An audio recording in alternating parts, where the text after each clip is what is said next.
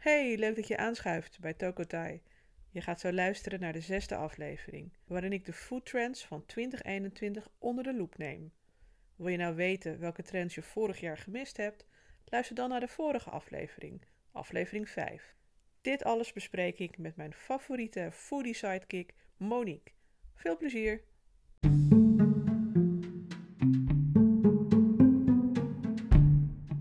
Vooruitkijkend naar, dit jaar stonden daar op die lijst wel een paar opvallende dingen. En die wil ik wel even eh, van commentaar voorzien met jou. Ja, zeker. Ik heb ook een beetje zitten kijken. Maar ik ben benieuwd wat jou ook opviel. Nou, de eerste op die lijst zijn eh soesjes. Zoet of hartige soesjes. Dat is eh, vooruitkijkend blijkbaar mogelijk een trend. Hebben wij een mening over zoete of hartige soesjes, Monique? Het kan allebei. Het, eh, toevallig had ik eh, alle YouTube-chefs die ik volg, dat ik een paar krokambouches voorbij heb zien komen. Dus de traditionele. Zo'n grote toren, slagroomsoesjes, omringd met eh, karamel. Ambush heet zoiets, want sommige mensen denken, wat zeg je nu weer? Ja. En hartig hebben wij ook in onze cateringjaren gedaan. En ik, ik heb dat in mijn hoofd als zo'n klassieke eh, Franse een soort amuse snackje. En dan doe je er bijvoorbeeld een, eh, een, een bieslookcrème in eh, van eh, bijvoorbeeld roomkaas eh, of iets anders. Veel kaassoorten, kaas, crème-achtige vullingen, die liggen erg voor de hand om dat eh, inderdaad te doen. Zeker, maar je kan eh, alle kanten op gaan. Ik kan me nog herinneren van een Nederlandse chef die dan hartig maakte. Noemde hij dan hutsprot. En dan zaten er eh, kleine soesjes omheen. En die waren gevuld met een, een vispasta van sprot. En die dipte die ook nog even in de karamel. Dus dan had je dus een hele Oh, grappige combinatie grappig. van hartig en zoet. En eh, om een hutspot heen, want je weet natuurlijk, hutspot, die, die worteltjes in die uien worden best wel zoetig. Ja. Dus het was een eh, hele mooie play met eh, ja, traditionele ingrediënten. Wat een bijzondere combi. Dat zou ik niet zo snel zelf doen. En als hij op de kaart zou staan, zou ik wel nieuwsgierig zijn. Want ik zou dat best wel willen Ja. proeven dan. Wat, wat voor soesjes zou jij dan maken? Wat zou jouw... Mm, nou ja, ik vind zelf soesjes maken. Ik zou niet zo snel soesjes maken, want ik vind het een bokkenwerk. Het is voor als je ingesneeuwd bent. Ja, Ik kijk maar naar buiten. Kan, kan, kan ik ook andere dingen verzinnen. Nee, het is, het is een beetje fiddly, fiddly werk. En ik denk dat je soesjes, als je naar een fantastische banketbakker gaat, eh, een beetje patissier, die knalt daar mooie soesjes uit. Dus ik ga het echt niet zelf zitten maken. Het is eigenlijk wel heel makkelijk om te maken, maar ik vind het veel te fiddly. Als ik dan moet kiezen, ehm, ja, ben ik ook een beetje impartial of ik nou zoet of hartig zou doen. Ik vind kaassoezen wel heel erg lekker. Heerlijk. Ja, dat is echt, echt lekker. En ik heb toevallig vorige week eh, bij eh, Huizen van Wely heb ik daar een keer de soesjes, ka de kaassoesjes geprobeerd. We hebben een hele mooie assortiment van kleine amuse size soesjes. Met, eh, volgens mij waren het vier soorten kaasvulling. Van eh, een beetje jong belegen-achtig tot wat meer de eh, funky kaasvulling. En nou, vond ik echt wel leuk om, om te hebben. Mhm. Leuk voor bij de borrel. Eh, en zoete soesjes. Ja, ik weet niet. Als je hem vult met slagroom, zou ik zeggen: doe hem dan XXL en rij naar eh, het zuiden van het land. En ga bij Jan de Groot een bossenbol halen. Dat is Ja. gewoon de ultieme soes die je Ja. kan hebben. Ja, ik vind hem zelf ook wel lekker met een soort van eh crème pâtissier erin. Lekker met vanille. En ehm, het mooie van soezedeeg het is natuurlijk een neutraal deeg. Er zit Ja. geen zout, eh, tenminste er zit een snufje zout in. En eh, dat is gewoon even voor de, Ja. de smaakversterking. En ja, je kan er helemaal mee eh, uit, uit je dak gaan. Ja, en ik denk dat dus ook de, de ingrediënten die je er ook in stopt, die zijn eigenlijk best wel bescheiden. Ehm, dus de, eh, de kosten van een soes, die zitten dus in de bewerkelijkheid en in het uurloon wat je moet doorberekenen. Want Klopt. de ingrediënten zelf stellen, ja, die stellen niet zoveel voor. Nee, zeker. En wat ik zelf ook een mooie vind, is ook een lekkere soort van een, klein stapeltje als je champagne gaat inschenken aan het begin van de mooie avond. Ja, van die eh gougère, dat is dan niet gevulde, maar daar zit er meestal wat kaas bovenop. En Oh, wat grappig. eh, ook uit je, als je oude kaas doet met Ja. een paar vlokjes komijn erover. En dan heb je gewoon een heel leuk zelfgemaakt amuse eh, gerechtje. Ja. En wie vindt dat niet lekker deeg met kaas uit Ja, het gaat maar niet uit in welke vorm. Het is gewoon altijd een succes. Maar ik vond het wel grappig dat, die, eh, dat, eh, dat hij op de lijst blijkbaar misschien is dat een hoop of een wens. Of misschien dat er een paar bakkers zijn die ineens soezen gaan aanbieden. Of restaurants die dingen met soezen gaan aanbieden. Maar ik had, het was mij nog niet zo echt opgevallen dat dat een, een ding was. Ehm, ieder jaar wordt er ook een kruid van het jaar of een smaak van het jaar benoemd. Blijkbaar was 2020 eh, het jaar van de cardamom. Ik denk dat moet kruid van je leven zijn. Want cardamom is denk ik letterlijk mijn favoriete kruid die ja, er is. Ja, die is fantastisch of inderdaad. specerij. Ja, Ja, dat soort, ik vind dat, het kruid van het jaar vind ik dan soms een beetje lastig. En eh we moesten wel denken aan op een gegeven moment dat je overal en nog steeds va du eh, voorbij ziet komen. En dat eh, altijd de vraag aan de, zeggen, aan de consumenten en vaak ook aan de mensen in de bediening is, va du wat? Vadouvin. En, En dat gaan wij nu ook eh, vragen, want wat is Vadouvin? va du vent, ja, het is een, het is een mysterie. Nee, het is een, een, mooie kruiden, kruidenmelange. En de oorsprong, waar land, welk land komt het toch weer vandaan? Ja, dat is even een hele goeie. Zal ik even kijken of ik het snel kan googlen? Ik ben geneigd om Marokko te zeggen. Maar ik weet niet of dat terecht is. We gaan eens even kijken. Het is, eh, wat zegt Wikipedia, eh, Indian curry blend. Een Indian curry blend. Dus het is inderdaad eh, een masala. masala betekent ook een mix, hè? Gemixte kruiden. Dus garam masala, daar zijn we in de tussen wel een beetje aan gewend. Maar het is eigenlijk heel raar, want je zegt eigenlijk... eh, gebruik garam masala in je, in je keuken. Maar elk huis heeft een eigen specerijenmix, wat Ja. dus garam masala is. Dus ja, garam masala Eindeloze in een potje. Ja, nou goed, het is een spice mix. En er Ja. zitten natuurlijk wel bepaalde s- kruiden in die er altijd wel in Ja. horen. Nee, en Vadouvin is dus inderdaad eh, uit India. Een eh, Indian eh, curry blend.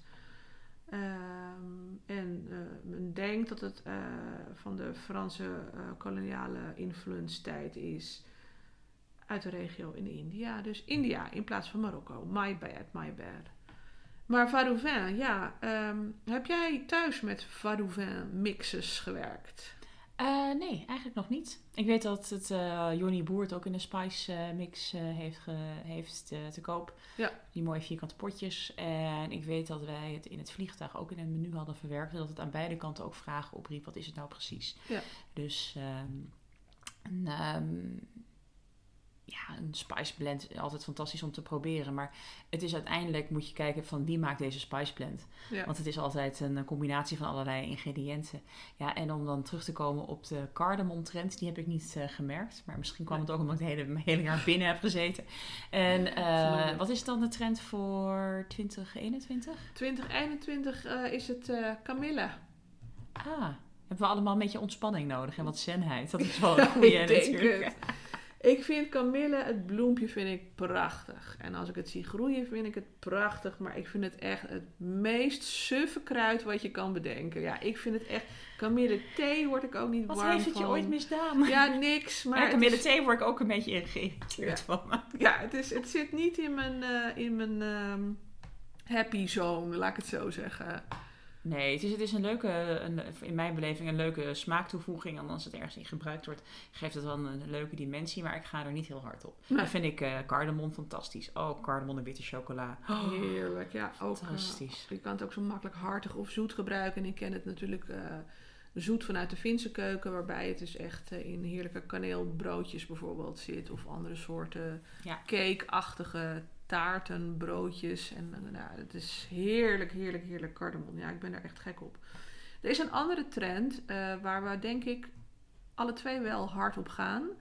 Namelijk 2021 wordt het jaar van de smashburger. Kan je er wat bij voorstellen? Heb je het al gegeten? Weet je wat het is? Ja, ik heb het in Amerika wel eens eh, bij een fastfoodketen besteld. En eh, ik denk dat het vol- maar eigenlijk volgens mij gewoon ontstaan is doordat je veel eh, hamburgers in een korte tijd eruit wil eh, duwen. Want dat wordt meestal op de bakplaat gedaan, niet op de grill. Nee. En dan druk je met de spatel druk je het beef patty of het gehakt bolletje druk je helemaal plat. Het resultaat is, het is A, heel snel gaar. En B, je krijgt lekker van die korstjes, een beetje gekarameliseerde stukjes van het Mhm. gehakt. En dan, in Amerika doe je dan vaak twee van die smashburgers boven op elkaar. Met, Ja, eh, want zo'n dunnetje is ook maar wat. alle toppings inderdaad. Ik vind het wel leuk, juist ook omdat het voor thuis zo lekker is. Want eh, ik zet eh, zelf, mijn vent misschien wel, niet zo snel de barbecue eh, aan. Maar ik kan wel mijn koekenpan hoog aanzetten. Ja. En met een spatel een stuk vlees eh plat drukken. Ja. En dat gekarameliseerde is echt heerlijk. Ja, vind wel ik een goed broodje bij. Je moet wel een zeker goed een dat is vaak het nadeel. eh. En dan eh, niet om alle Amerikanen te dissen. Maar het brood wat je daar doorgaans in de wat snellere restaurants krijgt, is allemaal heel erg zoet en Ja. klef. Ja. En dan ben ik een beetje een snop geworden. Van, mm, Nee, nee, niet zo Jouw lekker. man die maakt lekker brood. Ja, dat is... Die eh, maakt zijn Hokkaido milk buns. Ja, dat is eh, absoluut een receptje eh, de moeite waard om thuis te maken. Wat daar bijzonder van is, is dat het wel... is- Het is ook een, eigenlijk een soort van brioche-achtig deeg in die zin dat het gezoet is ook. Maar eh, wat daar bijzonder aan is, is dat je eh, eigenlijk een soort Japanse, ja, hoe moet je het noemen? Roe, dus uitgekookte meel met vocht. Tenzon heet dat toch? Precies. Tenzon, sorry. Tengzong eh, gebruikt om eh, je deeg te laten rijzen. Dus je maakt eigenlijk een soort van XXL giststarter. Zo moet je het eigenlijk een beetje zien. Waardoor het dus heel mooi eh, super zacht, fluffy brood maakt. Het is wel een rijk brood. In de zin, hè, suiker zit erin, maar ook boter en ei. En ehm, de, de reden dat je dat doet, is dat je dus een hele volle smaak van het broodje krijgt. Niet te veel suiker, want dan kan je zelf wel een beetje bepalen hoe zoet je hem wil hebben. Want ik hou ook niet van het hele zoete brood. Maar ja, een beetje suiker is wel natuurlijk lekker. En voordeel, als je hem netjes doormidden snijdt, hè, dan heb je hem in de oven afgemaakt. Maar dan ga je hem eten. Nou, je kan hem zo vers eten, maar je kan hem ook doormidden snijden. En dan de gesneden kanten ook op die bakplaat Ja. of koekenpan. Dat is het lekkerst. En dan krijg je, omdat het dus zo verrijkte deeg is, krijg je een hele mooie karamellisatie. Waardoor het nog oh, water me in de mond van zo'n Ja. broodje. Maar heb jij wel smashburgers gegeten wel eens? Ik heb nooit een officiële smashburger gegeten. Maar ik moet zeggen dat ik ze dus eigenlijk basically thuis ook wel maak. Ja. Min of meer. Zeker. En eh, het is ook een leuke variant erop. En ik vind het ook gewoon heel erg gaaf. Die trend is al eigenlijk geen trend meer. Want eh, ik denk dat we de laatste tien jaar alleen maar hipsterburgerzaken uit de grond hebben zien eh, schieten. Met, eh, ja, mag ik eh, 300 gram dry-aged wagyu eh, met truffel mayonaise en dat soort dingen. Ja. Wat natuurlijk heel erg leuk is. Want eh, dan kom je weer. Vle- vlees en brood, Ja. structuur en brood. Ja, dat is wel heel lekker. Smashburger is wel natuurlijk per definitie vaak een wat grotere eh, eh, patty. Of Ja. een wat groter stukje vlees, omdat je hem onder je spatel Ja. plat drukt. Ja. Dus dan zou je eigenlijk ook een wat groter broodje moeten hebben. Of misschien een hele lekkere, goede baguette, pistoletachtig iets en het daarin. Dat is ook niet een verkeerd idee, hè? Omdat in plaats Maar ik ben misschien wel een purist. Als het gaat om hamburgers, moet het broodje zacht zijn dat je niet te hard met je tanden hoeft eh, te knagen. Dus, eh, Ben ik wel met je eens. Als je een hamburgerbroodje hebt en, en dan de grote vraag met of zonder sesamzaadjes. Oh, mag. Mag. Ja. Maar vind eh, je dat het moet? Het moet niet. Ik ben gewoon... Het is democratisch. Weet je wat je wil, waar je blij van wordt. Ja, precies. Iedereen happy. Ja. Nee, ja, sesamzaadjes vind Ja. ik wel lekker altijd op. En die zijn op die Hokkaido milk buns zijn die ook heel Ja. makkelijk te maken, maar het doet ook niet altijd. Wat ik wel een keer heb gezien, en dat is eigenlijk een vreselijk programma, want de presentator die zit gelijk al in mijn nekharen. Maar dat is een Amerikaans soort van eh reis eh, eh, restaurantprogramma. En dat heet Diners, Drive-ins en Dives. En eh, de presentator Guy Fieri, die heeft dus, nou, die gebruikt nog meer peroxide dan eh, Madonna de hele carrière heeft gedaan. En als hij zijn zonnebril af heeft, draait, draagt hij hem achterstevoren Oh jee. Ja, in, zijn, in het hem vetje van zijn nek. Ja. Eh, je hebt het vast wel gezien en dan draait, rijdt hij door Amerika heen om kleine restaurantjes die lokaal eh, gerund worden Ja. door lokalen, geen ketens, wat natuurlijk wel heel authentiek is. Eh, in een grote rode Chevrolet volgens mij. En eh, nou ja, zijn personality is een beetje irritant. Maar in één zo'n hamburgertent waar ze smashburgers maakten, kan je je zo voorstellen, had de kok op die grote bakplaat allemaal geplette hamburgers die lekker aan het karamelliseren waren. En dan ging er dus een handvol geraspte kaas overheen Mm. en een grote ronde deksel. Wat er dus gebeurde is, die kaas die smolt, maar er was ook een rand van gemiddeld 5 centimeter rondom de rand van het vlees, eh, kaas op de bakplaat. Nou, Ik weet niet hoe jij erin zit, maar zeg maar zeggen, de, Graag. ja, zou ik zeggen, kaas eh, Ja. die je dan eh, uit de tost die dat in je je dat- ijzer, harder dat, is, dat, dat die een beetje hard- gekristalliseerd zou het bijna. Ja. Maar het was eigenlijk dus een kanten randje van kaas die dus om de smashburger heen zat. Ja. En dat was natuurlijk onmogelijk om dat in een hamburgerbroodje te, te proppen. Maar dan werd dat zo op elkaar ge, eh, gestapeld en het hing er half uit. Het was niet met goed fatsoen te eten, maar ik had zoiets van... Oh, dat ziet er wel lekker uit. Ja, en, en, en excuses in ieder geval alvast aan je bloed- en vaatstelsel. Want Die dat is kransslagaderen ja. allemaal even een kaartje sturen. Maar dat is natuurlijk wel, als je het dan doet, dan moet je wel echt ook helemaal all-out gaan. Ja. Ja. grappig. Ja, ik maak wel eens hele kleine mini-smash burgertjes. Eh, dat doe ik eigenlijk altijd om te proeven of mijn gehakt voor gehaktballen of een gehakt brood, of dat goed is. Dus De dan, test patty. de testpatty. En dat, ja, dan heb ik geen geduld. En dan pak ik een klein stukje, maar dan moet het even snel. Dan moet ik even proeven of hij goed op smaak is. En dan Brand je bek, ja. heel snel even in de pan. En die druk ik dus inderdaad ook plat. Dus daar een mini smash burger. Ook wel een idee om, om voor een feestje van die mini smash burgertjes te maken. Ja, vind ik fantastisch. Toch dat ik het moet maken. Ja. In 24 fout. Terwijl ik dacht van ik had ook 12 grote kunnen maken. kunnen, want ja. eh, iedereen wil toch dezelfde hoeveelheid. Maar als jij nou die soesjes gaat maken, dan maak ik die mini smash burgers. Goed, Dat- ja. Dat vind ik dan weer minder uh, Ik teken, te- je had, eh, in- laat in de comments achter als je uitgenodigd wil worden. Ja, precies, voor de Smash Burger en de Soezenfest. Als we elkaar weer mogen Ah. zien. Ehm, andere trend die ik tegenkwam op de lijst van Mara Grim is eh, sterren voor thuis. Nou, logisch, we eten alleen maar thuis. eh, maar we kunnen natuurlijk ook van hele mooie restaurants menus afhalen. Heb jij Ja. daar ervaring mee opgedaan? Zeker, tijd? zeker. Ik denk wij allebei wel. eh, en ook in onze vriendenkring. Eh, je, ja, het is gewoon zo verdrietig. Al die gave ondernemers die dan zonder gasten thuis, eh, zonder gasten in hun zaak zitten. En dan toch de boel omkarten om thuis te bezorgen of te laten afhalen. En ik weet nog dat wij het volgens mij in eh, april of zo voor het eerst hebben eh, gedaan. Mhm. Of ehm, eind maart.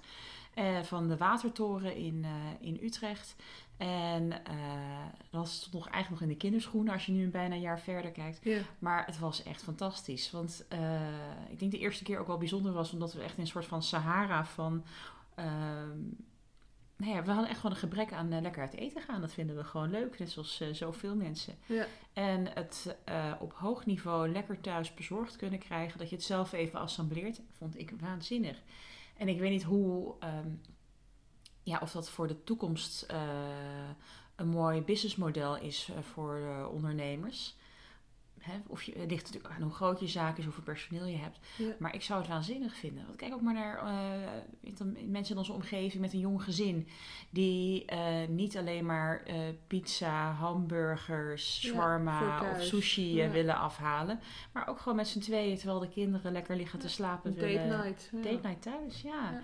En ik, volgens mij hebben we op een verjaardag hebben we van Rijks gegeten. Dat was toen eh, een lieve vriend eh, van ons jarig was. Ja. Dat vond ik heel bijzonder. En ehm, ja, er staan er ook wel weer een paar in de planning voor Valentijnsdag eh, die eh aan Ja. te komen. Oh, leuk. Ja, Wat nee. was jouw leukste afhaalervaring of eh, doe-het-zelf ervaring? eh? Nou, ik heb wel verschillende eh, gehad. Nou, Rijks heb je genoemd, die hebben we een paar keer mogen proeven. We hebben met kerst hebben we Frenchy Haarlem. Groot van Frenchy, dus ook een extra shout-out eh, eh, in de podcast aan hun. Eh, heel mooi kerstmenu gehad.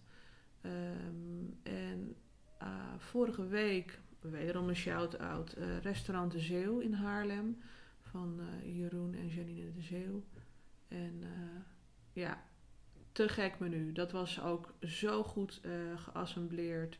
of te assembleren. Want je krijgt alles natuurlijk in zakjes en een soort van paint by numbers, maar Mhm. het wordt dan cook by numbers. Dat was ook zo ontzettend mooi. Eh, er zat een stuk eendenborst bij. Prachtig gegaard. Hoeft alleen nog even de huid netjes af te maken en door te warmen. Nou, echt, echt heel mooi. Dus daar was ik wel echt van onder de indruk. Ehm Olivijn in Haarlem hebben Ik wilde het net aan toevoegen. twee keer... De, eh, eh, nee, ik één keer. Maar ik weet er zijn mensen uit de buurt die twee keer hebben gehad. Oh, en echt? ook echt... Weet je nog die gevulde krab van Olivijn? Mm, ik droom er nog steeds af en toe van. Het was Ja. echt fantastisch. Ja, was ook heel En ik vind het ook wel leuk. Ik volg ze op, eh, op eh, de social media inderdaad. En eh, ja, ze zijn gewoon ook ja, fijne, fijne mensen om te volgen. Het gaat Ja. natuurlijk voornamelijk om hun zaak. Maar ja, je voelt wat meer, je voelt je verbonden met die zaak. En, Ja. ja. Ja, dat is ook zo. Je wil ze ook wel echt steunen. En eh, aanstaand weekend is het het Valentijnsweekend. Nou, dat is weer een mooi excuus om een Valentijnsmenu ergens eh, af te halen of te laten bezorgen. En aanstaande zaterdag eh, gaan Frank en ik eten van bij Petossi. Dat is ook een Haarlems restaurant van Bart van Berkel. En ik ben heel benieuwd hoe hij het voorbereidt voor Ja. ons. Maar het menu zag in ieder geval heel erg mooi uit. Ehm, en ik weet, eh, vrienden van ons die hebben in Amsterdam bij Mos mm, voor kerst eh, Oh, het menu fantastisch. gehad. Een collega van mij heeft ook bij Mos eh, het menu gedaan. En dat daar lyrisch. Dus daar zijn wel heel veel mensen erg enthousiast over. Dus misschien gaan we die ook nog een keer proberen, zolang de boel dicht zit. Ehm, maar ja, sterren, sterren voor thuis is natuurlijk heel erg tof om dat eh, te doen. Eh, ik, ik begrijp ook heel goed als je niet zoveel kookervaring hebt, dat het echt wel extra nice is dat het ja, wat meer voorgekoud is. Dat je een begeleiding krijgt hoe de mise en place dan Ja. is en welke volgorde en hoe hoog moet je Ja. oven. Maar ook daarin ben ik dan weer een beetje eigenwijs. Dat ik dan. Doe je dan van- overal eh chilivlokken doorheen? Nee, en, eh, dat dan weer niet. Maar dan denk ik wel Nou ja. van, hé, dit is wel heel erg veel alleen maar oranje eh, op het bord. En ik heb nog een beetje dragon. En dragon en worteltjes is ook een goede combi. Dus ik doe toch nog een klein beetje dragon. Maar goed, dat is me hopelijk vergeven. Ehm, maar ik ben wel benieuwd, eh, net als eh, jij heb ik ook wel voldoende ervaring in de keuken om dingen dit bepaalde, bepaalde manier ook wel zelf te kunnen bedenken. Ehm, maar als je nou geen ervaring hebt, ben ik benieuwd of het dan nog steeds zo makkelijk is om te maken. Dus daar ben ik wel benieuwd naar. Of mensen eh, de aanwijzingen en het afmaken, dat ze dat wel echt kunnen doen. Want het is natuurlijk doodzonde als je nog nooit eendenborst hebt gemaakt en je wil de huid afbakken en je vertieft dat die eendenborst kapot Ja. gaat. Ik denk dat dat eh, eh, voor sommige mensen misschien een reden is om het niet te doen en iets te bestellen wat al af is. Ja. Ik bedoel, ik denk dat eh, je jezelf goed kent. Ja. En het ligt er natuurlijk ook aan of je, hoe is je oven? Heb je voldoende faciliteiten om het op te warmen? En dat soort dingen. Dus het helpt natuurlijk als je kookervaring hebt, want dan snap je wat sneller wat de kok bedoelde. Ja. En dan valt of staat het anders met de instructies die de zaak eh, levert. Ja. En wat ik wel heel tof vind, is dat je nu echt wel een kijkje in de keuken kan Ja. zien, kan doen. Want dit is wat er in restaurants gebeurt. Als je ziet dat je soms zes verschillende elementen hebt voor één Ja. tussengerecht. Dat is Hoeveel allemaal werk dat is, voorbereidend werk geweest. Ja. Ja. Want eh, ik weet ook als wij wel eens eh, uit ons panty gaan met een eh, ambitieus menu, dan zijn we soms een hele dag bezig met één gang. Ja. Moet je nagaan dat je dat op sterrenniveau voor een hele menukaart doet, continu. Dus dat moet Natuurlijk je met een groot equipe en heel veel ervaring. tuurlijk. En niet iemand die er vinger eraf jast met een mandoline en dat soort dingen. Tuurlijk. Dat, dus dat, maar ja, dan nog, weet je, het is wel echt, oké, hebben we alle elementen? Ja. Moet het op kamertemperatuur? Moet het in de koelkast blijven? Komt het uit de vriezer? Wanneer moet je iets in de oven gooien? En wat me opvalt is dat een heleboel dingen eh vide doorgewarmd worden Ja. thuis. En nou ja, sous vide klinkt allemaal heel spannend, maar basically is het gewoon een pannetje kokend water. Waar je een zakje in hangt. Waar je zakje in hangt. Dus zo heel ingewikkeld is het niet. Je moet natuurlijk wel zorgen dat het niet te veel doorgaart. Want als je een echte sous vide unit hebt, kan je hem op de constante temperatuur houden. Dus daar moet je een beetje mee eyeballen. Maar Ja. eigenlijk is het gewoon zoals een babyhapje even opwarmen in een pannetje water. Zeker, Ja. zeker. Ja. Ja, de enige kanttekening die ik bij deze trend heb, en het is nu echt ook vaak uh, survival modus voor heel veel zaken. En ik vraag me af of het voor sommige zaken ook wel helpt. Want het is natuurlijk, ja, de kosten gaan door. En je moet echt veel van die pakketten verkopen om een beetje marge binnen te halen. Maar wat mijn kanttekening bij is, is dat het heel veel waste is. Ja. Want uh, als ik dan zie uh, na zo'n avondje sterren thuis koken. Ja dus bakje hier, bakjes zakje vol. daar. Ja. En uh, er is één zaak in Utrecht, Heron, die heb ik vorige keer ook al benoemd. Mm -hmm. Die uh, doen takeaway, maar die laten je van tevoren weten, die kan je bij de zaak afhalen. En het is bring your own Tupperware.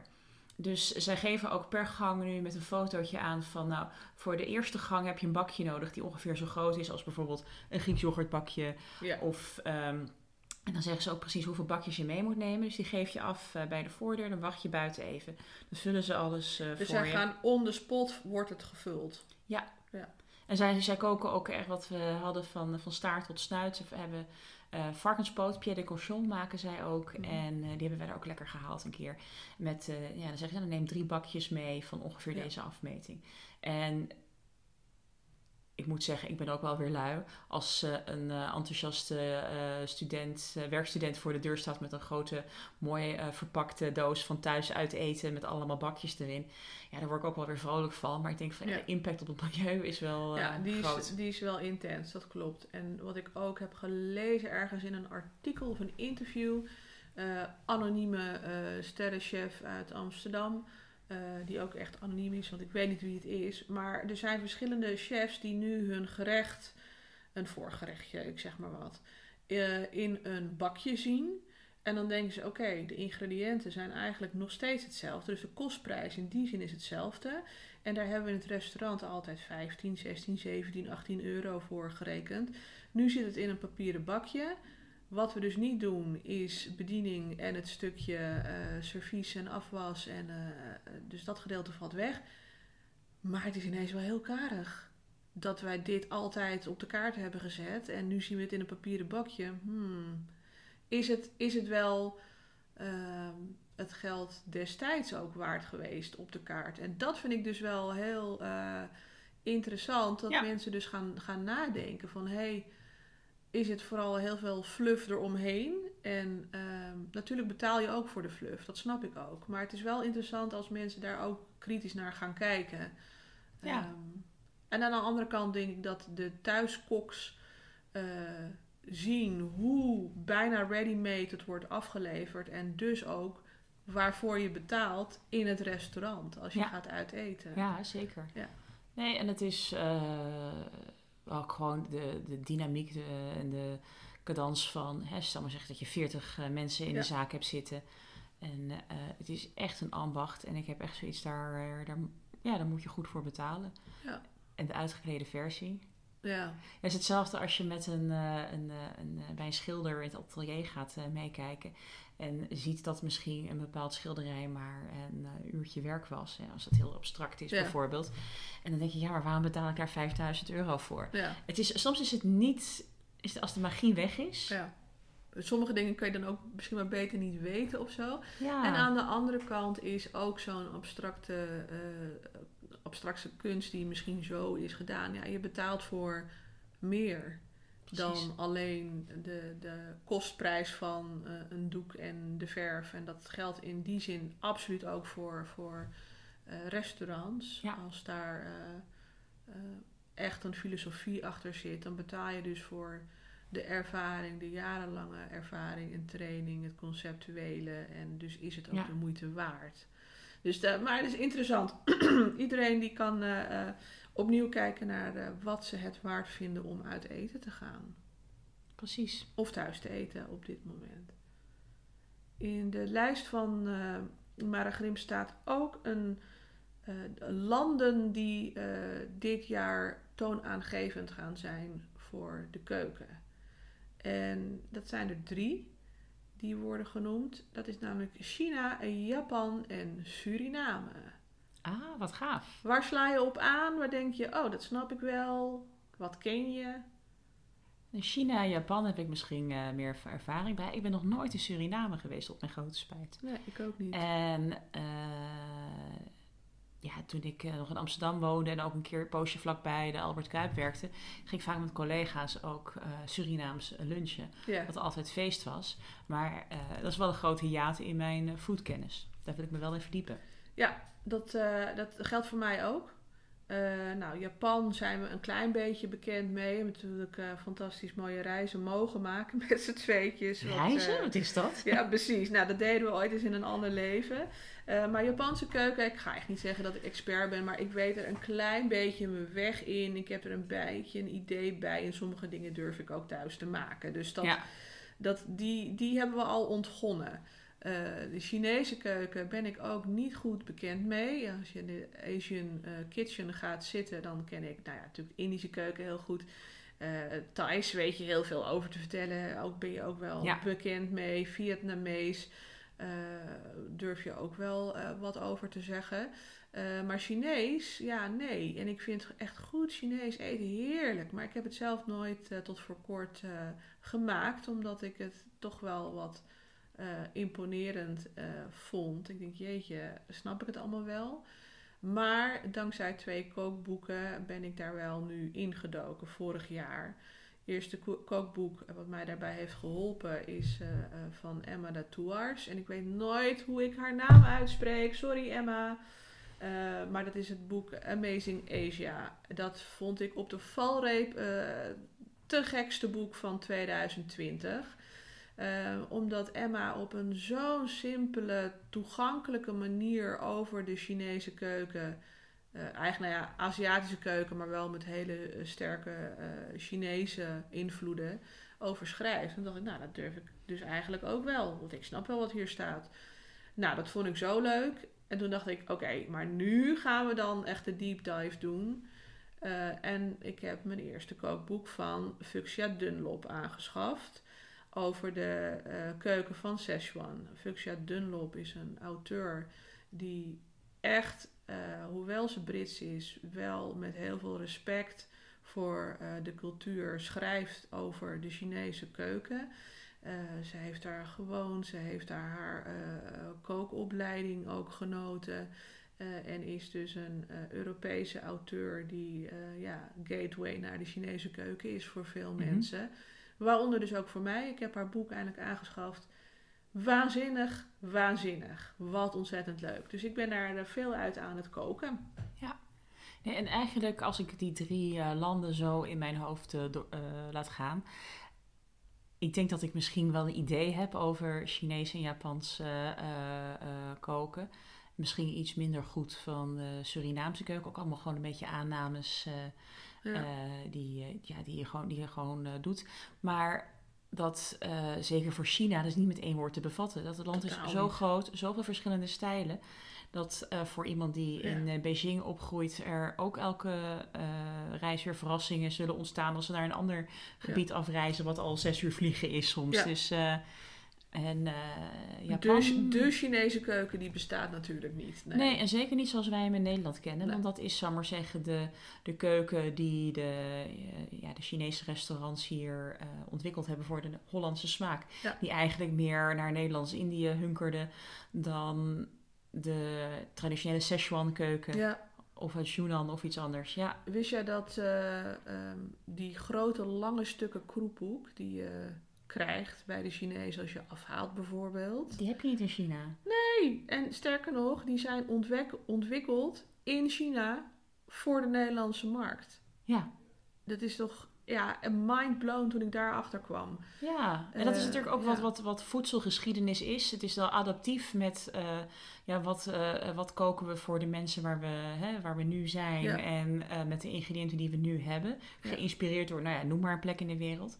Maar uh, als je denkt dat je weet wat Chinees koken is, als je af en toe wat bij de lokale Chinees bestelt, dan zit dat, je. Uh, dat weten mensen inmiddels ook wel. Nee, dus dat, dat, dat is natuurlijk, dat zegt nog helemaal niks. En uh, ja, ik vind dat, vind dat een hele inter interessante keuken, hè, die Chinese keuken. Ik leer daar nu dus heel veel van en over. Maar de Surinaamse keuken ken ik eigenlijk nog minder. Wat eigenlijk gek is, want Suriname en Nederland zijn natuurlijk ook zo enorm verbonden. En net als dat de Indische keuken, zoals wij hem kennen, eigenlijk een Nederlandse keuken is, zijn een aantal gerechten uit de Surinaamse keuken zo enorm ook eh, verbonden eigenlijk weer met Nederland. En gek dat je daar dus eigenlijk niet zoveel van weet.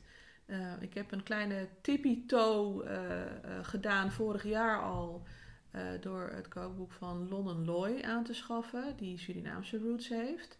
Um, nog steeds is het van wat hij, wat hij doet echt wel een fusion keuken tussen allerlei elementen waardoor hij weer is beïnvloed.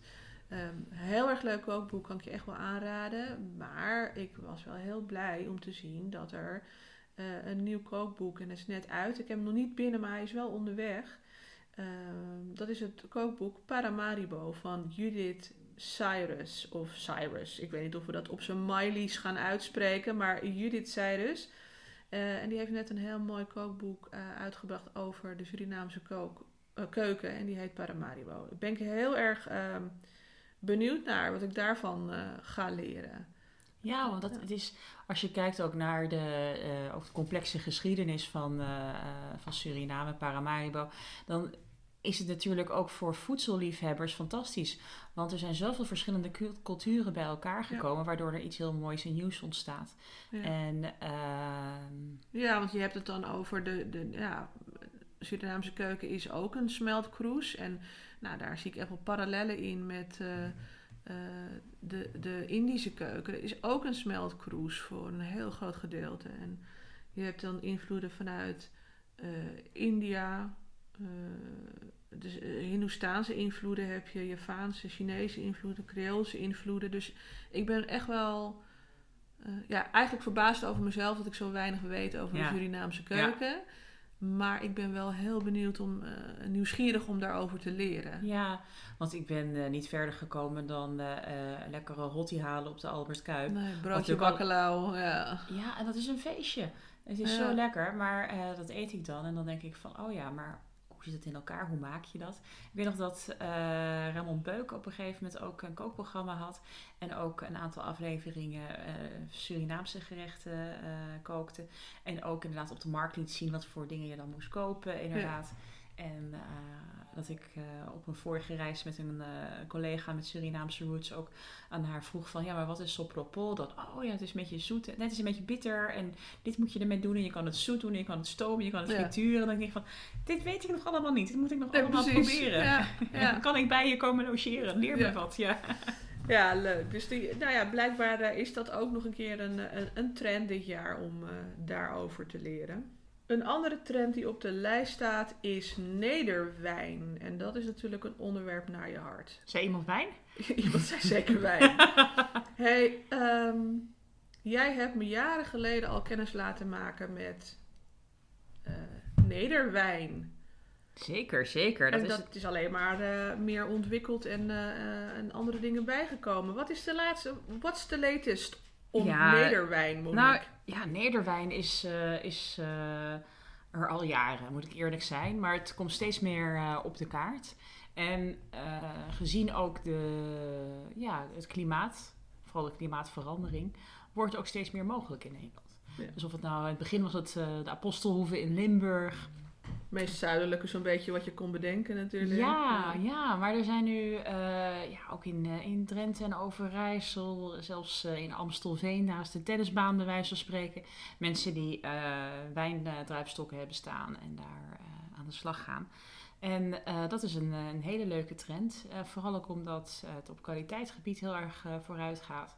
En het, het borduurt natuurlijk ook weer, als ik dan het woord trend mag gebruiken, voort op ja, lokaal en nationaal. En Ja. eh, zoek het wat dichter bij huis. En Ja. eh, dat is iets wat meestal Nederland niet kon. Zoals in bijvoorbeeld hè, in, de, in de Bordeaux in Frankrijk, ja, daar draait het om wijn. Ja. En eh, dat is heel erg gaaf. Denk En, je dat Nederland een wijnland echt gaat worden ooit? ehm, nou, niet in de zin van wijnland zoals eh, Spanje, Italië, Frankrijk. Daar zit je gewoon klimatologisch ook een beetje aan de grens. Eh, witte wijn eh, met bepaalde rassen die tegen de wat kortere zomers kunnen, hè, die, die doen het goed. Rood is een beetje een zeldzaamheid en dan op kwaliteitsgebied ook nog een beetje hit en miss soms. Als je het mij, eh, mijn eerlijke mening vraagt. Dus wit is eigenlijk wel een witte nederwijn. Daar Ja. kan je wel mooie Oh, exemplaren van vinden inmiddels. Fantastisch inderdaad. En ja, ja vanwege mijn eh, werk ook wel eh, eh, vooral fan van de Zeeuwse wijn, van de wijnhoeven de Kleine Schorren. Ja. En, ja, ja, ja. Johan van der Velde en zijn, en zijn vriendin Paula die daar mooie dingen maken. Maar ook weer ja, het pionierschap, want het is niet iets wat voor de hand ligt. Het is wijn maken over de hele wereld is never an easy way. Ze zeggen wel eens, als je je eerste ton wil verdienen met wijn maken, dan moet je een miljoen investeren. Dat is echt, zo intens is het. Ja, dat gaat ook vaak met crowdfunding. En het is een, het is een uphill uh, battle vaak. Want uh, dan kom je op een gegeven moment, als je een alcoholhoudende drank produceert, dan kom je op een gegeven moment onder allerlei Europese regelgevingen. Mhm. Dus je moet ook van, niet alleen van wijn houden, maar ook van administratie en regels. Ja, ja, ja. ja dat zie ik ook bijvoorbeeld met kaasmakers. Ja. Ehm, lokale kaas, je hebt zoveel toffe dingen. En dan heb je een hele mooie kaasmaker die rauwmelkse kaas wil maken. Wat dus eigenlijk gewoon helemaal niet mag. Want je voldoet niet aan regeltje dit, dat en dat. En ja. dat is eigenlijk... Je denkt van ja, oké, maar hoe kom je erbij dat dit ineens uh, gebonden is aan, uh, aan Europese wetgeving? Waarmee je dus ook een heleboel uh, mooie initiatieven bijvoorbeeld al de kop indrukt. Omdat mensen het dan überhaupt niet gaan doen. En je moet het dus echt van de rebellen hebben die denken: scheid aan, ik ga het toch doen. En we horen wel waar het misgaat. Heb jij, uh, heb jij een, een tippie van, als je zegt van joh, als je nou een mooie nederwijn wil gaan drinken, probeer die eens. Of wat is de meest recente nederwijn die je hebt gedronken? Um, even kijken. Ik graven. Heb... ja, maar dat is geen verrassing eigenlijk. Nee. de meest recente die ik open heb getrokken was van de, van de Kleine Schoren. En um, waar ik een beetje een, een, een zwak voor heb, is de Rivaner. En de Rivaner is een uh, druivenras waarvan je niet automatisch, uh, zou zeggen, een groen lampje de herkenning aanschiet. Nee. Uh, het is een druivenras die het goed doet in het Nederlands klimaat. Je ziet het vaak wel in wat, hè, dat noem je aan de grens van de wijnmaakmogelijkheden qua mm klimaat. En dat is voor mij ook een heel goed voorbeeld van wijn, waarbij ze zeggen van what grows together goes together. Mhm. Dus als je in de Loire bent en je koopt Sauvignon Blanc, dan kan je net zo goed ook een lekker fris geitenkaasje kopen die daar ook lokaal, lokaal doet. En ja, Zeeland, ja, daar komt natuurlijk fantastische dingen uit, uh, uit, uh, uit de zee en aan de kust vandaan. Dus uh, ja, die met wat ja, zee, weet het, kokkeltjes of zo. fantastisch lekker. Ja. Dus wel lekker strak fris. En ja, die doet het gewoon heel erg goed. En is het nou makkelijk ook te krijgen? Ja, nou helaas door de crisis in de horeca voor particulieren nu wat meer. Omdat het niet alleen maar door de horeca opgekocht wordt of door de KLM. Dus hij heeft wat meer te verkopen. En de betere wijnzaken verkopen het. Ja. Ze zijn dus ook wel heel kieskeurig waar ze verkopen. Ja, want ik denk, bij, eh, nou ja, dat is ook misschien afzet uh, wat er mogelijk is. Maar dan gal en gal zal je dat niet zo snel vinden. Ja. Maar uh, als je naar nee, de specialisten ook, gaat. Ja, en hij heeft ook een een verhaaltje dat hij dan een uh, inkoper van de Gan en Gal uh, in tussen zijn druivenstokken zag lopen. Ik weet niet of het letterlijk zo was. Maar die willen alles, uh, alles van hem opkopen. En hij zei van ja, ik vind het toch beter voor mijn merk als ik in de betere horeca te kopen en in de wat betere wijnwinkels. En dat is natuurlijk altijd lastig, want daarmee ja, gooi je de ramen voor jezelf misschien een beetje in, in bepaalde opzichten. Maar het, uh, brandingen waar je verkocht wordt, is voor elke tak van sport belangrijk. Ja, en het lijkt me, oh, lijkt me heel spannend hoor. Als je dus een bepaald niche product hebt en je ziet het zeker ook bijvoorbeeld nou, bij de alcoholvrije biertjes heb je het gezien, maar ook een aantal andere uh, producten die dan, uh, ja, ga je die stap maken naar een supermarkt om het daar ook te verkopen, kan je, kan je de, het afzietgebed aan of zoek je dan meer een supermarkt. Ik weet bijvoorbeeld Jumbo, die doet heel veel. Uh, elke Jumbo heeft echt een lokaal uh, schap ook. Ja. Uh, dus de, de Jumbo in Friesland heeft echt wel een deels ander aanbod dan de Jumbo in, in Limburg. Ja. Nee, dat doen ze, dat doen ze goed inderdaad. En het is, ik weet niet of we ons daarmee echt in, op de wereldkaart van wijn zetten. Mhm. Maar het is heel leuk dat het, dat het er is. En ik denk dat het ook heel leuk is voor de en Nederlandse horeca. En, uh... ja.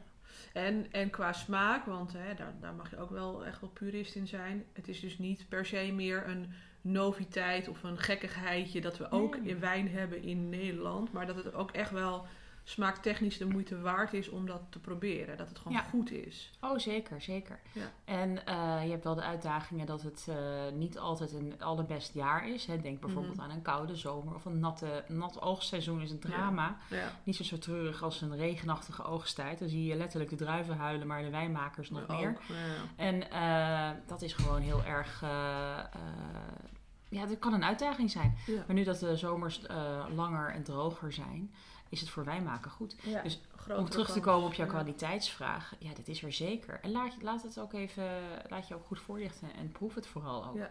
Het hoeft niet je smaak te zijn, maar eh, de kwaliteit is er zeker. Ja, ja wat grappig. Ja, vind ik echt wel, eh, echt wel mooi. Dus Nederwijn is, eh, was er al en is eh, here to stay. Dus wat dat betreft. is mooi. En dan ehm, een andere trend op de lijst.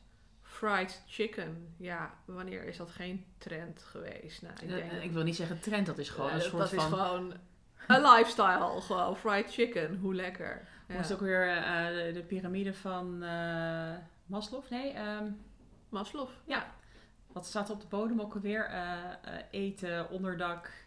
primaire Fried chicken. En de fried chicken hoort daar ook absoluut bij. Ik denk dat het ook vooral eh, geleerd is aan eh, het aantal restaurants wat fried chicken op de kaart heeft gezet. Eh, of specialty restaurants die alleen maar fried chicken gaan aanbieden.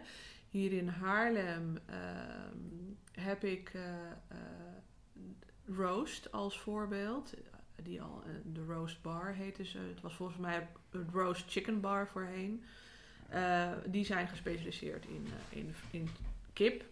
En dat doen ze in alle soorten, maten, vormen. Van een soort pulled chicken tot chicken fritters, tot hamburgers, tot eh, halve of hele kip. Echt een rotisserie kip. En dat doen ze echt heel goed.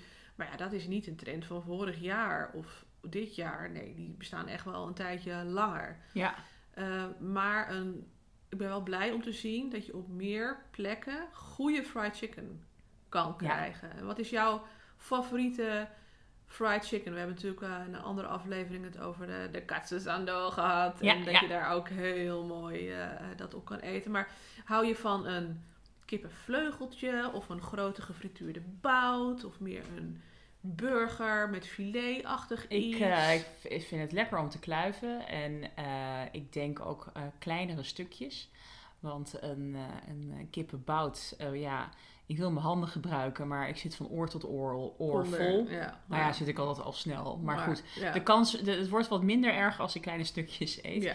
En dan vind ik het, zeg maar zeggen, ik weet niet, hoe heet dat stukje? Dat is het, zeg maar zeggen, een dikke boutje van de vleugel. Dus niet een drumstick, maar het is een soort van, er zitten twee bordjes in. Twee botjes en dan kan je ook zo lekker omheen knagen. En, en af, ik hou ook echt van eh, knagen. Ik vind dat echt wel lekker. Sommige mensen vinden dat helemaal niet prettig. En die moet je ook eigenlijk vooral een filetje aanbieden. Maar ik hou wel van eh, een stukje bot wat dat betreft.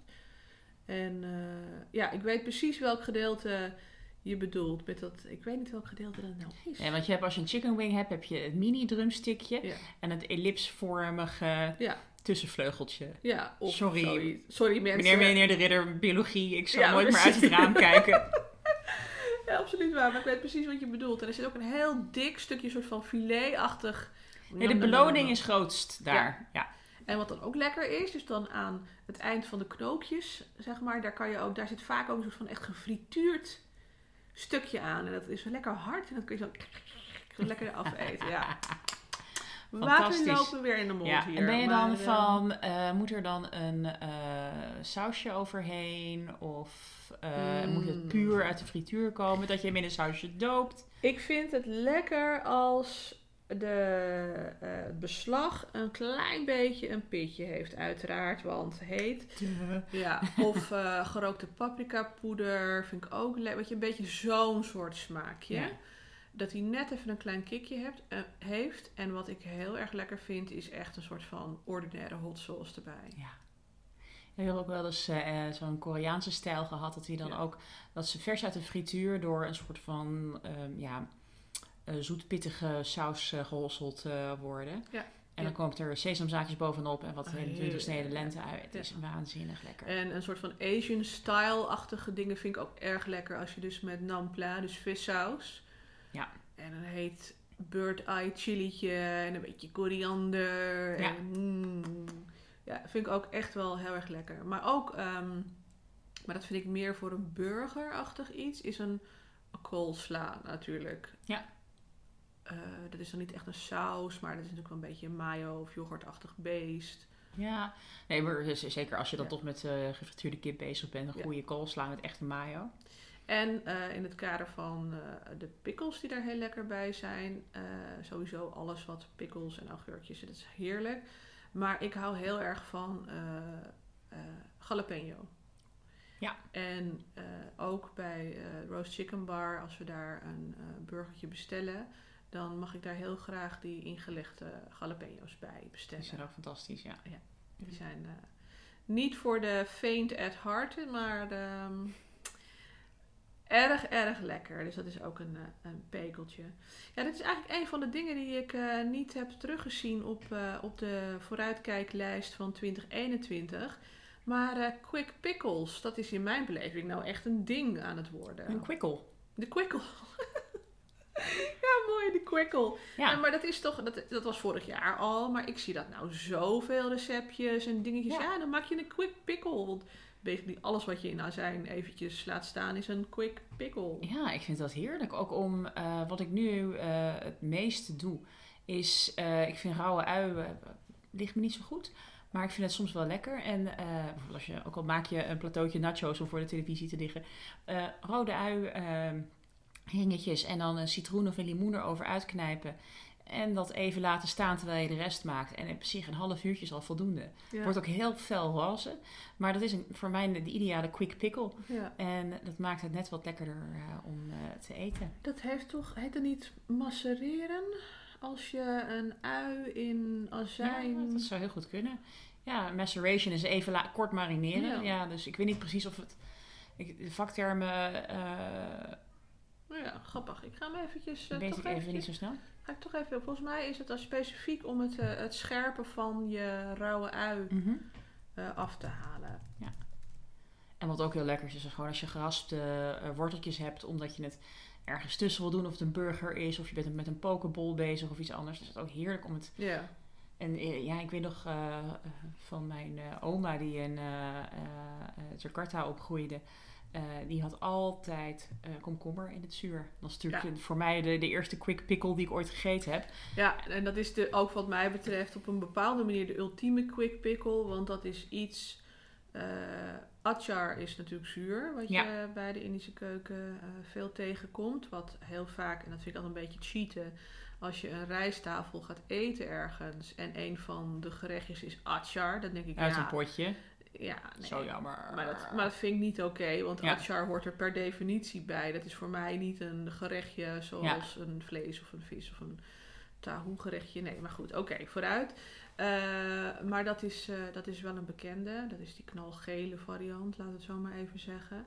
Eh, maar inderdaad, wat je zegt, komkommer, die maak ik altijd. Ja. En als je genoeg maakt, blijft er ook nog wat over. En dat kan je echt nog een hele Ja. tijd lekker in je koelkast Maak jij dan ook met een shallotje suiker en eh, azijn in de pan even doorgaren en dan... Ik doe doorgaren doe ik niet eens. Ik doe het echt letterlijk in een jampotje. Dus dan doe ik eh, suiker, want het moet wel echt eh zoet-zuur worden. Suiker, peper, zwarte peper. En soms doe ik ook een beetje komijn, want dat is iets waar ik veel en graag mee kook. Maar dat kan je er ook uitlaten. Eh, maar eh, suiker, azijn, peper is voor mij de basis. Eh geflinterd rood uitje. sorry, geflinterd? Chabeetje. Nee, het. Pepertje doe ik Ja, altijd door. In vlindertjes of ringetjes of kleine stukjes. Als je dat niet hebt, kan je ook gedroogde pepertjes gebruiken. Maar ik vind een vers pepertje wel het lekkerste. Dan inderdaad een uitje of een shallotje. iets kleiners. Rood uitje. Als het maar dun en klein eh, gesneden Ja. kan worden. En dan je komkommer. En dan prop ik dat allemaal in een potje. En dan gaat er een deksel op. En dan geef ik hem een behoorlijke shake. En dan zijn we er wel. Shake your money maker. Ja, sh- shake your quickle vooral. En het is inderdaad zo, het is zo klaar. En die bite is gewoon heel erg lekker. Ja. Dus dat eh, is iets wat inderdaad ook standaard, eh, Heerlijk, hè? standaard op tafel wel staat. En eh maceratie is inderdaad van het Latijnse macarare of macerare. En dat is zacht maken of weken. Ehm, en het kan een vloeistof in het algemeen zijn, dus water, olie, alcohol, azijn. Eh, en het verschil tussen extractie en maceratie is dat bij maceratie geen warmte wordt toegevoegd. Dus dat is inderdaad op Ah, kamertemperatuur. goed. Weer wat geleerd. Weer wat geleerd, zo is het. Dank je, Tokotai. Eh, eh, dank je Wikipedia om eh, ons te vertellen hoe dat nou precies zit. Ehm, en dan kwam ik een laatste ding tegen op die vooruitkijklijst waar ik nog nooit van had gehoord. En ik ben zo benieuwd of jij weet wat het is. Oh oh. Flambadou. Weet je wat een flambadou is? Als je legging te strak zit. Ja, Oh nee, ja, sorry. ja nee, dat had Oké. heel goed gekund, maar dat is het niet. Vertel. Ik heb er nog nooit, oprecht nog nooit van gehoord. Het is zo trendy dat ik nog niet eens weet dat het een... Nee, nou, ik was aan het googlen, want ik denk, hè, ik snap niet eens wat er, wat er staat. Het is dus iets wat al een tijdje bestaat. Nou, ik probeer het een beetje eh, uit te leggen hoe het eruit ziet. F- een flambadou, dat is een instrument die je gebruikt voor de barbecue. Ja, Herman, opgelet. Een flambadou is dus een eh, instrument. Of misschien is ook de wijze waarop je dat instrument gebruikt. Nou, Ik denk nu aan een gitaar en een barbecue, maar ja, nee, oké, vertel. Het is een hele lange stok. Ja? En aan het einde van die lange stok zit een kaboutermuts. Zo moet je het voorstellen. En die kaboutermuts is omgedraaid. Oké. Dus de open kant is boven en er loopt dan taps toe Ja, in ja. het puntje. En dat puntje is ook open. Ja. Wat je dus doet met die kaboutermuts is dus dat je hem in het hete vuur houdt. Ja. Dan wordt hij dus hartstikke warm. Het is dus ook van gietijzer gemaakt. Mhm. Eh, dan doe je er eh, solid vet in. En dat vet ga je dus laten smelten. Maar dat wordt dan zo heet in die koon. En je houdt hem in, die, in dat vuur en in die, in die kooltjes. Waardoor het ook vlam vat. Wat er dan Mhm. dus gebeurt, is dat je dus aan het einde van het dunne puntje druppelend, fikkend vet hebt Een vlam. een vlam. En dan hou je dus die grote koon met die, met die eh, eh, stengel of dat handvat, hou je dus boven je vlees. Terwijl het dus fikkend vet uit die koon valt. En dan kan je dus de bovenkant van je steak, whatever, flamberen. En smaak geven. Ah, Dus dat is een flambadou. Ik had er oprecht nog nooit van gehoord. don't leave home without it. Nee, nou, het lijkt me ook een onhandig ding. Ik eh, eh, heb eh, ook even gekeken van ja, maar wat kost dan een flambadou? Nou, voor vier tientjes ben je wel klaar. En ik heb een, een fotootje van een flambadou. Hier Ah. laat ik nu aan Monique zien. Ik hoop, vind je dat ik het goed heb uitgelegd? Ja. Een lange steel met een kaboutermuts ondersteboven. Ja. Met een klein puntje.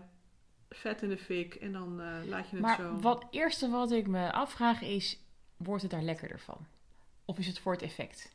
Het is natuurlijk wel heel erg pimpy. Dat is een beetje Maar dit is ook zo'n tafelbereiding. Ja, Want, weet wel, crêpe Suzette zonder de flambé zijn ook wel lekker hoor. ja, precies. Maar, ehm, Dus dat, het is... De, de geschiedenis van de flambadou ken ik niet. Dus misschien is het een enorme... eh, misschien wel een cultureel, lokaal, eh, groot iets of zo. ja, misschien is er ergens een plek op de wereld waar iedereen zegt, hebben jij geen, eh geen flambedoe? Dat, nee, ja. de, de, de flambadou moet erbij. Nee, dus... Maar het ziet er wel erg pimpy uit. Het zijn een beetje... Hij past in de categorie de, de advanced barbecuer die alles al heeft. Een beetje moe is van die eh, twee grote berenklauwen waarmee je de pulled pork uit elkaar eh, trekt. claws. En nou, wat ga je dan kopen voor de barbecue? Nou Herman, je bent net jaar geweest, Ja. maar je weet wat je volgend jaar Je krijgt. krijgt een flambadou. Eh, ja, maar heeft het... Nou kijk, flamberen, dat heeft natuurlijk een spektakel iets, maar heeft ook wel, geeft ook wel een, natuurlijk een smaak iets. Zeker. Als je nou kijkt naar een crème brûlée. Maar dat is niet flamberen, hè? Nee, maar het is wel vuur, Ja. branden. Maar, maar dan ontstaat er chemische reactie, want, de- want de suiker karamelliseert. Ja. En ik vraag me af wat voor smaakverandering het vlees heeft met of zonder flambadou. Nou, behalve dat je eh, natuurlijk wel eh, vet boven, aan de bovenkant van je vlees erop Ja, doet. ja. Net zoals je als je eh, een stukje vlees hier eh, hè, op het fornuis maakt, Ja.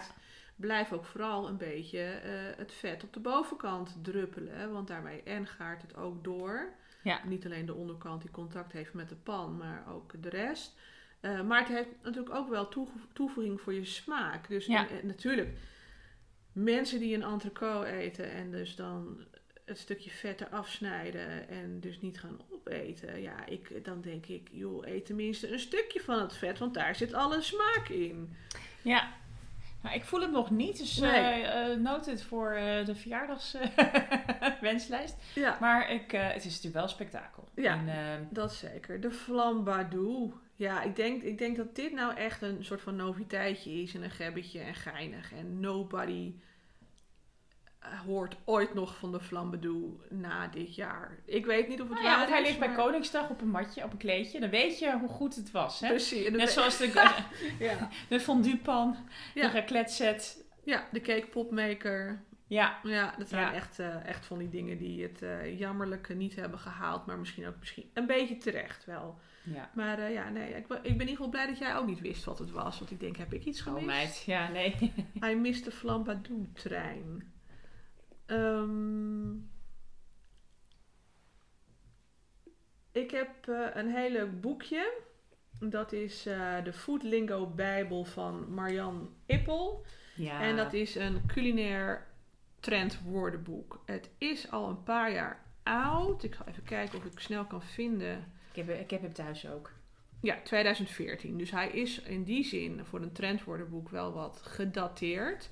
Maar het is toch best wel geinig om daarin in te kijken. En ik wilde als afsluiter random eh, drie pagina's open klappen. Om te, en dan even kijken of we weten wat het is. Of we het ooit hebben gedaan. Of Ja. we er moeten om, moeten om lachen of om moeten huilen.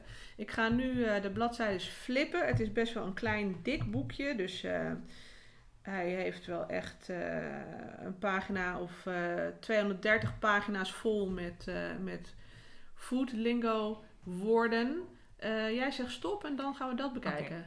Ja, rats en stop. Een plaatje. Een plaatje. Entomofagie. Weet je wat dat is? Ik wist niet wat het was als ik het zo lees.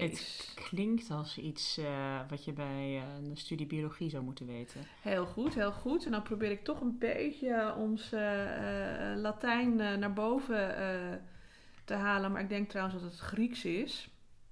Heb ik niet gehad. Heb ik twee jaar gehad en toen heel vrolijk losgelaten. Maar entomofagie heeft inderdaad te maken met meelwormen, cupcakes, sprinkhaan, macarons en krekellollies.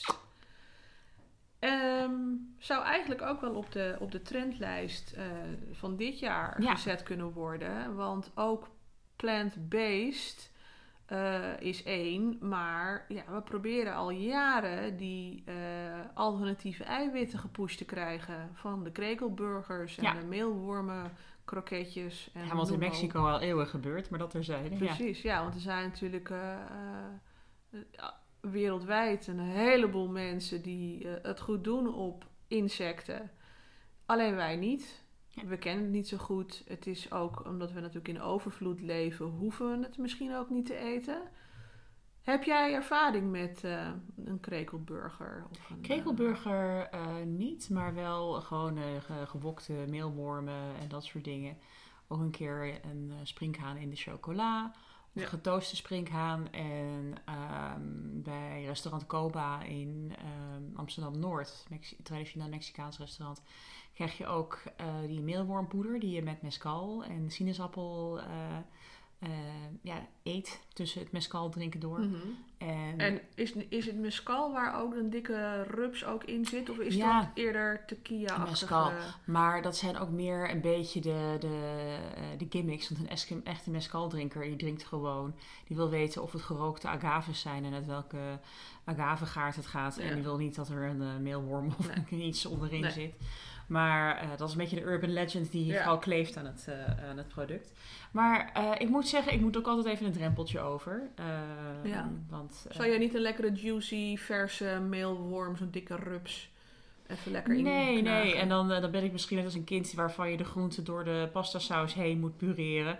Als ik het niet merk, dan... eh, Ja, dan, dan eet je het prima. nee, en het is Ja. stom dat sommige psychische dingen die eh ja, Een drempeltje. zijn. Ja. Ja, ja, klopt. Ja, ik, nou, wat jij noemt, dat is ook een beetje de ervaring die ik heb.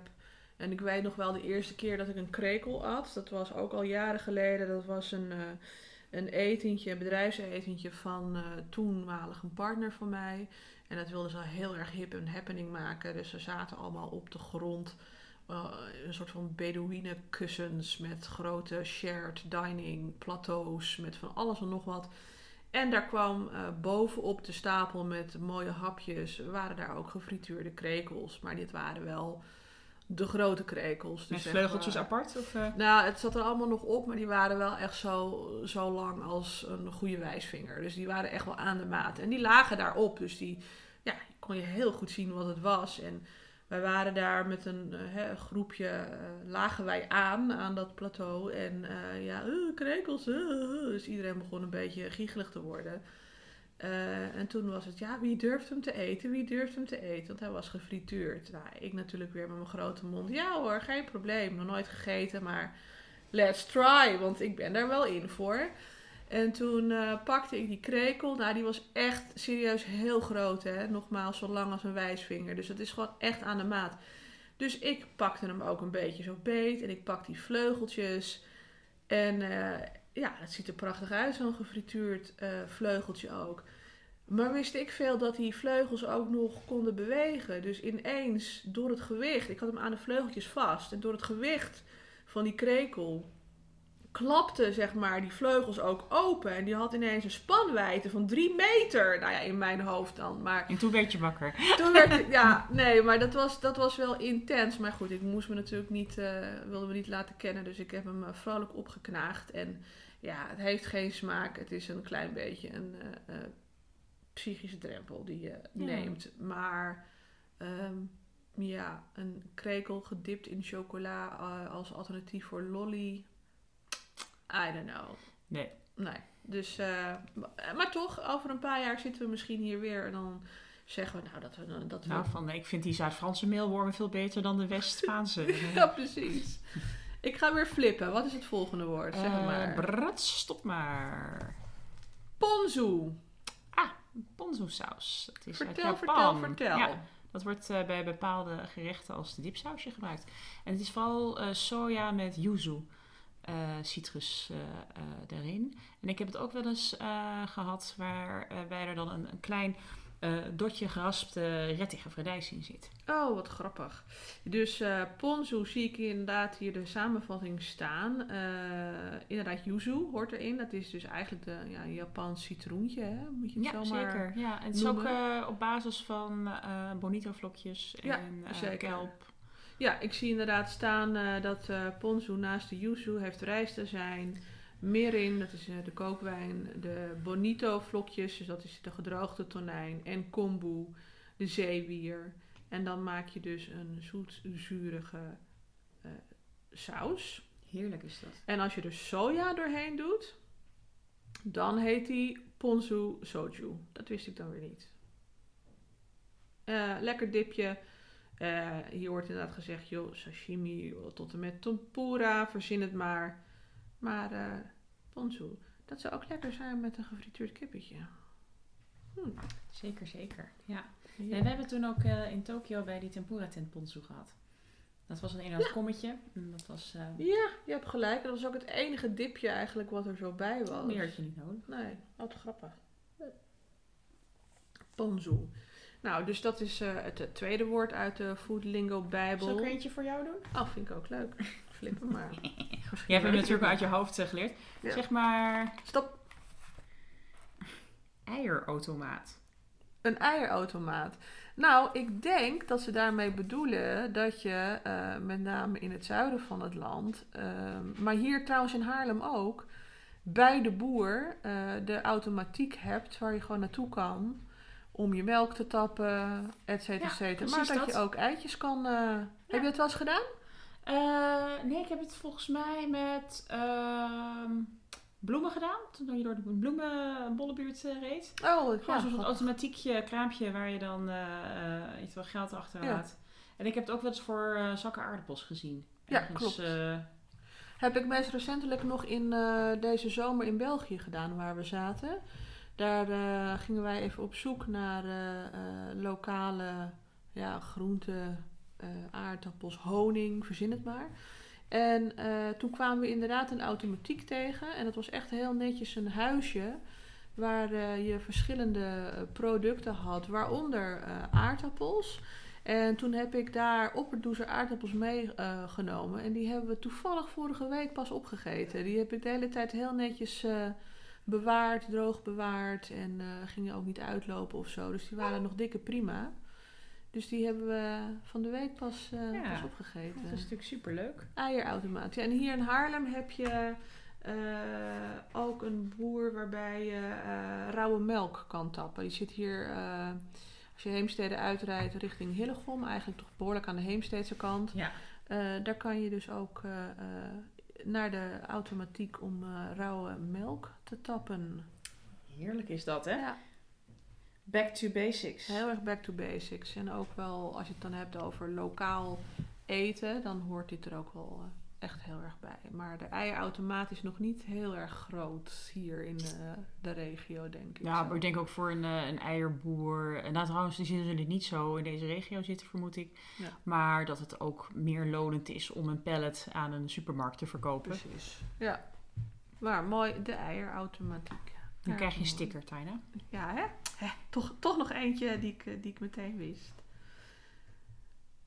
Als afsluitertje ga ik je vragen met dit koude weer. Wat is jouw ultieme winter comfort food? Iets wat je meteen gaat maken, waar je zin in hebt. Of wat je misschien ook al hebt gemaakt de afgelopen week of zo. Ja, ik uh, ga dan heel vaak naar richting risotto. En dan paddenstoelen risotto. Hmm. Comfort food. En uh, ik denk ook vaak aan hè, aardappelpuree of dat soort dingen. Maar uh, gezien dat ik dat al gemaakt heb, is mijn volgende project, zeg maar zeggen, uit het Verre Oosten inspiratie halen. En dan letterlijk de warmte uit chilipepers halen. Mm. Dus ik ga dit weekend een laska maken met Maleisië. Mm. Nog nooit gedaan, dus ik ben benieuwd of ik het een beetje eer aan kan doen. Maar uh, ik ga even wat, uh, in wat recepten tappen. En uh, lekker met chilipepers en, en, en gember en vissaus aan de slag. Heerlijk. Volgens mij moet het helemaal goed komen. Ja. Het zijn wel smaken die je kent. En, Ja, dat warmt van binnenuit. Ja. Hè? Wat, wat is jouw ultieme comfort food? Voor de winter? Ja, dat is dan denk ik toch gewoon een lekkere andijvie-stampot.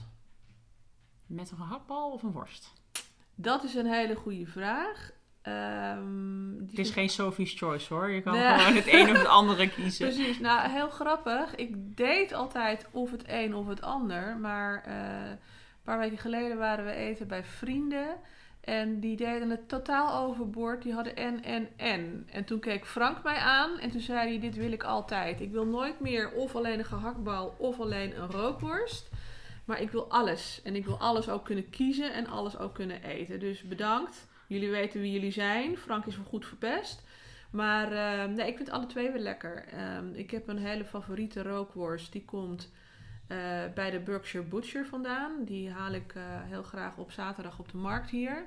Die hebben een heerlijke eh, rookworst van hun varkentjes daar. En het is echt zwaar verantwoord vlees, zover vlees eten verantwoordelijk is. Maar die, die is echt die zo ontzettend goed. Dus die eet ik er wel heel graag bij. Dat vind ik wel lekker. Of dus een mooie gehaktbal. Vind ik ook altijd lekker om erbij te eten. Maar wat er voor mij altijd bij, bij moet, maar dan ook altijd bij moet, is een kwaksambal. Ik dacht, nou, ik, dacht, ik mis de chilivlokken. nee, ik eet uh, mijn andijvie-stampot met sambal. Ja. ja. Nee, ik vind het voordeel van de gehaktbal dat er dan ook wat, uh, wat jus is en dat je dan uh, uh, daar ook mee aan de slag kan. Maar het is fantastisch lekker. Maar ik eet liever een klontje koude boter die je dan bovenop je puree drukt, dan dat ik er een kuiltje jus in maak. Dus ik maak een soort van kuiltje boter. En het is volgens mij een beetje een Finse manier om dat te doen. Maar dat vind ik dus heel erg Nou lekker. ja, je bent ook een hybride, dus hè, wat Ja. dat betreft.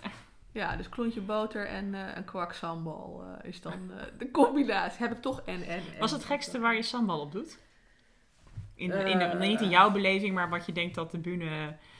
Eh, nou, die sambal bij de, bij de andijvie-stampot is denk ik wel... Dat mensen denken, is dat lekker? Ja, dat is lekker. Eh boterhammetje met pindakaas.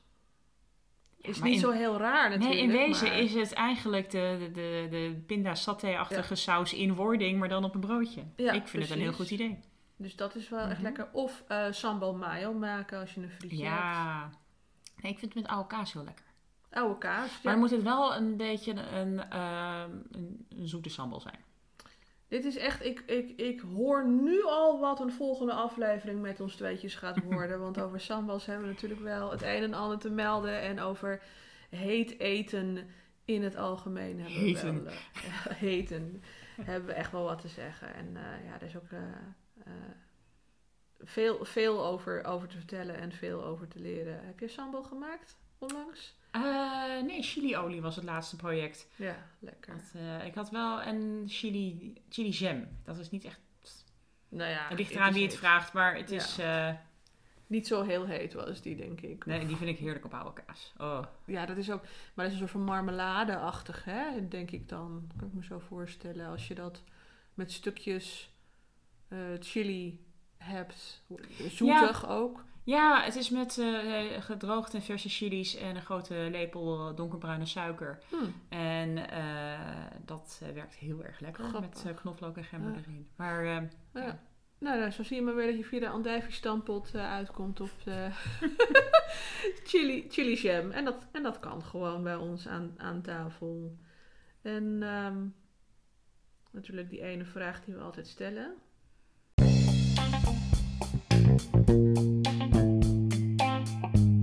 Hey schat, eh, allemaal fantastisch, maar wat eten we vanavond?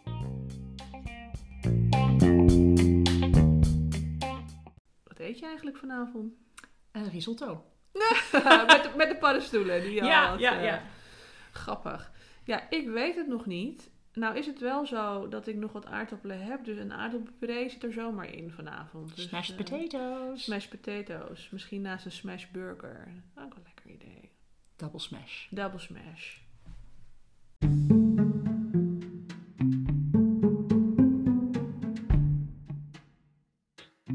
Dank voor het luisteren. Dit was een aflevering van Toko Thai.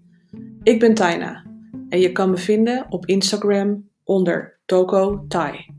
Volg me daar, dan blijf je op de hoogte wat ik allemaal zo uitspook. En vergeet je ook niet om te abonneren op deze podcast. Krijg je een pingetje als ik een nieuwe aflevering online heb staan. Tot de volgende keer.